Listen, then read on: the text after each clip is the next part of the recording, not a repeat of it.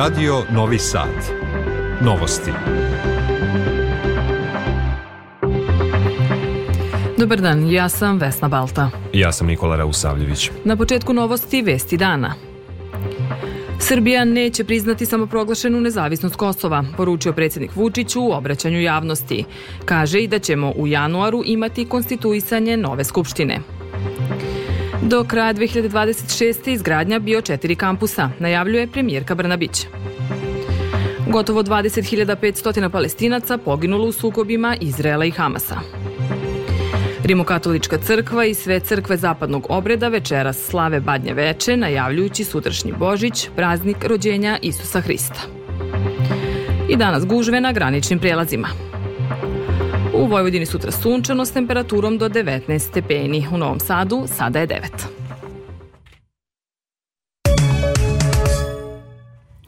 Predsjednik Srbije Aleksandar Vučić rekao je da Priština tri meseca krije nalaze obdukcije stradalih Srba u Banjskoj i da njihove porodice još nisu dobile te nalaze. On je u obraćanju javnosti rekao i da je na Kosovu i Metohiji ove godine bilo 176 incidenata, ali da je uprkos tome povećan broj rođenih srpskih beba na severu pokrajine. Predsjednik je ponovio i da Srbija neće priznati nezavisnost Kosova, niti će prihvatiti bilo kakav dokument koji obavezuje na članstvo Kosova u Ujedinjenim nacijama organizacijama ili njenim organizacijama i agencijama.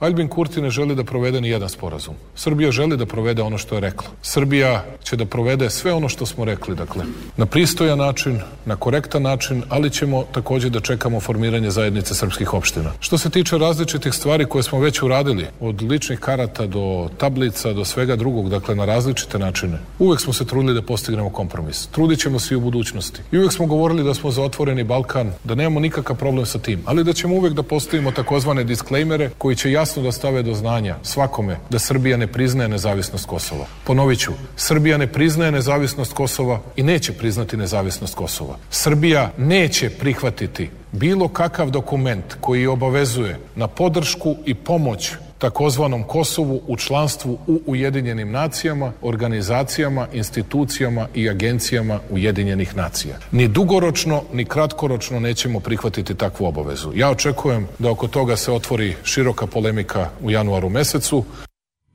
Govoreći o ekonomskim temama, Vučić je rekao da se od 1. januara za 10% uvećavaju plate u javnom sektoru.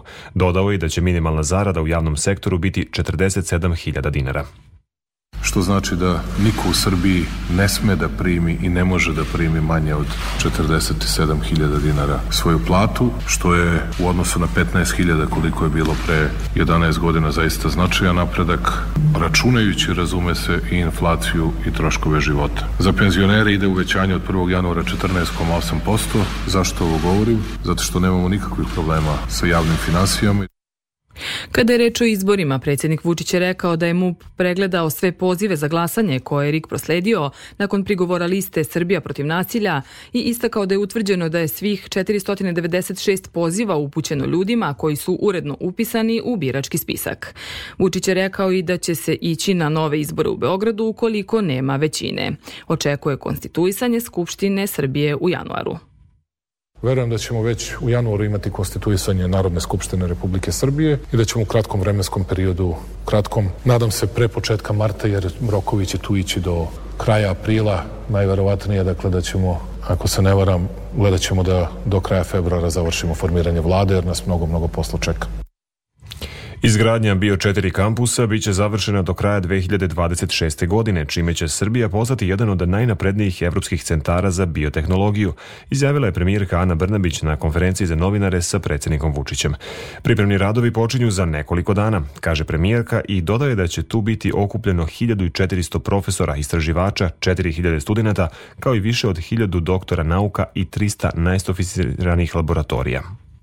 Šta to znači za naše ljude? Pa znači da ćemo uložiti opet mnogo više u istraživanje i razvoj oblasti zdravstva kako bi najinovativnije, najnaprednije, najmodernije terapije razvijali upravo ovde u Republici Srbiji, kako bi svaki naš građanin, svaka žena, svaki čovek, svako dete moglo da dobije personalizovani lek, terapiju, kako bi na najbolji mogući način zaštitili pre svega zdravlje naših ljudi i produžili životni vek.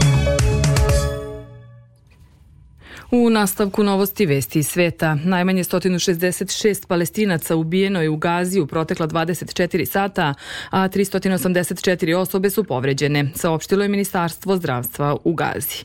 Prema najnovim podacima, gotovo 20.500 palestinaca poginulo je od početka sukoba sa Izraelom 7. oktobra, a povređeno je više od 54.000 ljudi. Izraelska vojska saopštila da je osam pripadnika izraelskih odbrambenih snaga poginulo u posljednja 24 sata u borbi borbama u pojasu Gaze, čime su ukupni izraelski vojni gubici od početka kopnene ofanzive povećani na 154.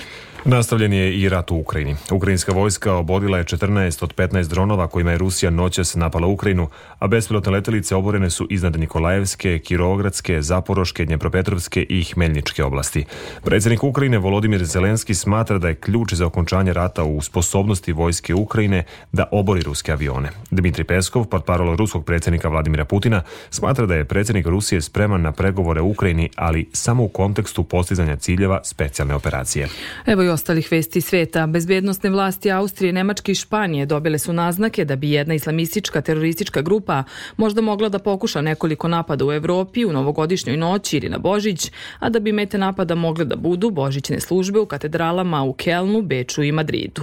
Uhapšeno je nekoliko osoba, a prema informacijama lista Bild, ekstremisti iz Tadžikistana navodno su želeli da izvrše napad u ime islamske države iz pokrajine Horasan. Stanovnici Češke skupili su više od milion i šesto hiljada evra za pomoć porodicama žrtava i preživelih u zločinu koji se u četvrtak dogodio na Filozofskom fakultetu Karlovog univerziteta.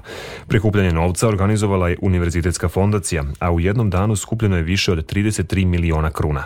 Praška opština je obećala da će izdvojiti još 5 miliona kruna, navodi novinska agencija PAP. A slovačka policija privela je 64-godišnjeg muškarca koji je pretio da će izvesti pucnjavu slično, slično onoj koja se se dogodila u četvrtak na Karlovom univerzitetu u Pragu kada je ubijeno 14 osoba. Napadač je priveden u gradu Žlina na severozapadu Slovačke i protiv njega je pokrenut krivični postupak.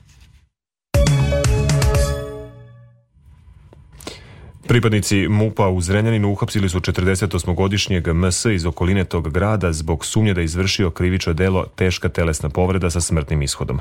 On se sumnjiči da je sinoć u dvorištu kuće u okolini Zrenjanina nožem naneo povrede 54-godišnjem muškarcu, a zatim ga automobilom dovezao i ostavio ispred doma zdravlja u Titelu. Povređeni muškarac je prevezen u klinički centar Vojvodine u Novom Sadu, gde je podlegao povredama. Osumnjičenom je određeno zadržavanje do 48 časova i on će u skriviču prijevu biti priveden više Višem javnom tužilaštvu u Zrenjaninu. Na Savskom keju u Beogradu noćas je potonuo splav kartel na kojem je bilo više stotina mladih, među kojima i veliki broj srednjoškolaca. Mnogi su u panici skakali u vodu, a pripadnici sektora za vanredne situacije MUPA evakuisali su 114 osoba. U MUPu kažu da su oko 40 minuta posle ponoći dobili dojavu da splav tone i da su ljudi u vodi. Hitna pomoć zbrinula je 10 maloletnika, dok je dvoje prevezeno na VMA zbog alkoholisanosti. Nema stradalih niti povređenih. Prvo osnovno tužilaštvo u Beogradu saopštilo je da je preduzelo mere da bi se utvrdili uzroci potonuća splava kao i da bi bila rasvetljena tuča koja je prethodila tom incidentu i utvrđena krivična odgovornost. Rimokatolička crkva i sve crkve zapadnog obreda večera slave Badnje veče, najavljujući sutrašnji Božić, praznik rođenja Isusa Hrista. Beogradski nadbiskup Ladislav Nemet predvodit će ponoćnu misu u katedrali uznesenja Blažene djevice Marije u Beogradu. U Božićnoj poslanici poručuje da je čovek pozvan da bude nosilac svetla, topline i ljubavi. On je podsjetio na tragediju u osnovnoj školi Vladislav Ribnikar u Beogradu, ali i na stradanja u ratu na Bliskom istoku i Ukrajini. Govorio je i o štetnosti reality programa, ali i o ulozi koju imaju mediji i sredstva društvenih komunikacija u vođenju ratova, dezinformacija, širenja mržnje, što sve može da izazove strašne tragedije. Nadbiskup je poručio političarima da izađu iz začaranog kruga svojih interesa i stame zablude da oružje i nasilje mogu da rešavaju probleme čovečanstva i da reše sporove. Molimo se ovih dana da hrišćanski narodi koji vode bratoubilački rat shvate potrebu mira za sve, da progledaju i začuju vapaje živi koji svakog dana pokapaju svoje mrtve. U ovom današnjem trenutku, kada se čini da je tama jača nego svetlo, pogledajmo na malog Isusa pa ćemo shvatiti pravi izvor svetla, Bog i novorođeni bogočovek uvek će imati posljednju reč i to ne reč nasilja i zla, nego života. Srećne praznike, Božić i Novu godinu želim svima vama. Obično pun turista trg Svetih Jasli ispred crkve Hristovog rođenja u biblijskom gradu Vitlemu, u kojem je prema hrišćanskom verovanju rođen Isus, danas je zbog rata u pojasu Gaze tužan i prazan. Božićne proslave su ove ratne godine otkazane širom svete zemlje, jer se oplakuje pogibija više od 20.000 palestinaca u izraelskim napadima na pojas Gaze. Državni zvaničici uputili su čestitke povodom Božića po Gregorijanskom kalendaru. Predsjednica vlade Srbije Ana Brnabić poručila je vernicima da prazniče dane provedu u miru i slozi i da im ovo bude prilika da se podsete da uvek treba da čuvaju ono što imaju i da težimo da budemo još bolji ljudi. Čestitke povodom Božića uputili su i ministri Miloš Vučević, Siniša Mali, Maja Gojković i Darija Kisić, kao i gradonačelnik Novog Sada Milan Đurić. U selu Mihajlovo, na domak Zrenjanina, već drugu godinu meštani organizuju živi adventski kalendar, odnosno odbrojavanje do Božića. Tokom 24 dana po jedna kuća u selu posebno je okićena i obeležena brojem. Priču donosi Tanja Krunić. 83-godišnji Mihalj Kosu u Mihajlovo se doselio 70. godina prošlog veka. Kaže da su se božićni običaj vremeno menjali, ali da je uvek ostalo okupljanje porodice tokom prazničnih dana. Ja i moja žena smo sami, deca su tu uglavnom u selu, a ima i u Mađarsku, pa dođu tako, obično i za Božić i za Uskrs mi spremimo tako jedan dan. U stvari ne jedan dan, nego taj dan baš da spremimo ručak, ručak bude različit što. Na Facebook stranici Kulturno-umetničkog društva iz ovog mesta od 1. do 24. decembra objavljuje se u kojoj ulici će biti za tu priliku posebno okićena i brojem obeležena kuća. Objašnjava organizatorka ovog događaja Viktorija Guješ. Živi adventski kalendar smo videli u drugim državama. Svakog dana o drugoj kući osvetljavamo brojeve datuma. Smislili smo ovo da bi ljudi izveli svoje kuće u zimski danima. Drugu godinu za redom u ovom selu organizuje se odbrojavanje dana do Božića. Meštanka Mihajlova Brigita Bibu kaže da je ova prilika i da se komšije okupe na jednom mestu. I mladi i stariji dođemo, prošetamo, malo popričamo, slikamo prozor. Svaki prozor jedna priča, advent period od 24 dana, to je iščekivanje Božića i to je vreme kada bi trebalo malo da zastanemo i da se spremimo za taj veliki praznik. Kada meštani pronađu kuću sa brojem, fotografije se postavljaju na Facebook stranici Kulturno-umetničkog društva, a domaćini za tu priliku pripreme posluženje za sve okupljene komšije. Srpska pravoslavna crkva obeležava materice, najveći hrišćanski praznik majki žena u našem narodu i jedan od nekoliko praznika koji prethode Božiću. Običaj je da danas deca vezuju majke, kao što su majke vezivale decu na detince. One se odvezuju dobijanjem poklona koji mogu biti i skromni, poput bombone ili jabuke. Slušate novosti Radio Novog Sada. Neradni božićni dani u zemljama Zapadne Evrope donose očekivano više vozila na ulaznim terminalima naših graničnih prelaza. Javlja Jovica Mitić iz Automoto Saveza Srbije. Najopterećeniji su iz pravca Mađarske i Hrvatske, ali je saobraćaj pojačan i na prelazima sa Bugarskom, Bosnom i Hercegovinom i Makedonijom. Na našim prelazima u funkciji su svi putničke terminali koji rade punim kapacitetom, a u cilju rastrećenja najfrekventnijih prelaza i bržeg protoka vozila za vreme praznika u dane vikenda produženo je radno vreme pojedinih prelaza sa Mađarskom. Bajmog će do 14. januara raditi svakog vikenda od 7 do ponoći. Prelaz Rastina biće otvoren danas do ponoći i 5. i 7. januara, dok će prelaz Bački Vinograd Beograd i raditi svakog vikenda od 7 do 22 časa. Podsjećamo i na to da je do 31. januara prelaz Horgoš 2 otvoren 24 sata.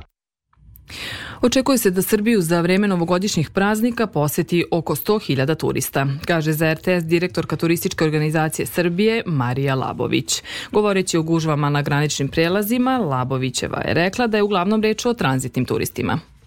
Svake godine, odnosno pred svaku sezonu imamo ovu situaciju, nažalost, da se na graničnim prelazima toliko dugo čeka i pored toga što smo napravili tu uniju otvorenog Balkana, ipak je potrebno još, još više zamalja da se uključi i da nekako još uh, budemo manje rigidni na graničnim prelazima kako ljudi ne bi toliko dugo čekali, onda bismo svakako imali i više turista. A to je već slika koju, koju vidimo svake godine. Neki od njih će zaista ostati u Srbiji, to ćemo videti i narodnog vikenda takođe takođe, a neki su ovde samo tranzitno, ali mi se trudimo da im skrenemo pažnju i kada prolaze kroz Srbiju, da se odmaraju, da se zaustave. Sport. U finalu sve srpskog kupa rukometaši Novosadske Vojvodine sastaće se od 18 časova u Lazarevcu sa ekipom Banja Lučkog borca.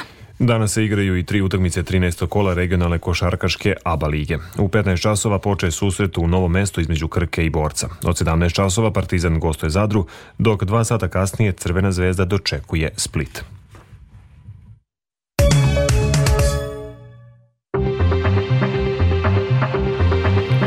Pred kraj novosti podsjećamo se još jednom najvažnijih vesti. Srbija neće priznati samoproglašenu nezavisnost Kosova, poručio predsjednik Vučić u obraćanju javnosti. Kaže i da ćemo u januaru imati konstituisanje nove Skupštine Srbije. Do kraja 2026. izgradnja bio četiri kampusa, najavljuje premijerka Ana Brnabić. Gotovo 20.500 palestinaca poginulo u sukobima Izrela i Hamasa.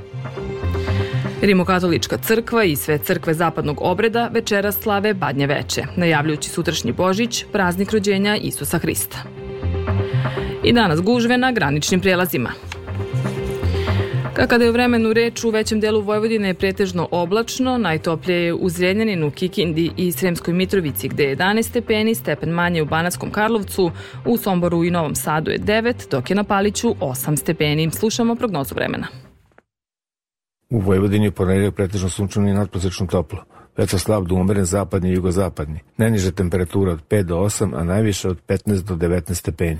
U Vojvodini do kraja godine jutra i večer je mestimično sa maglom, a danju suvo sa sunčanim intervalima i dnevnom temperaturom znatno iznad proseka za ovaj deo godine.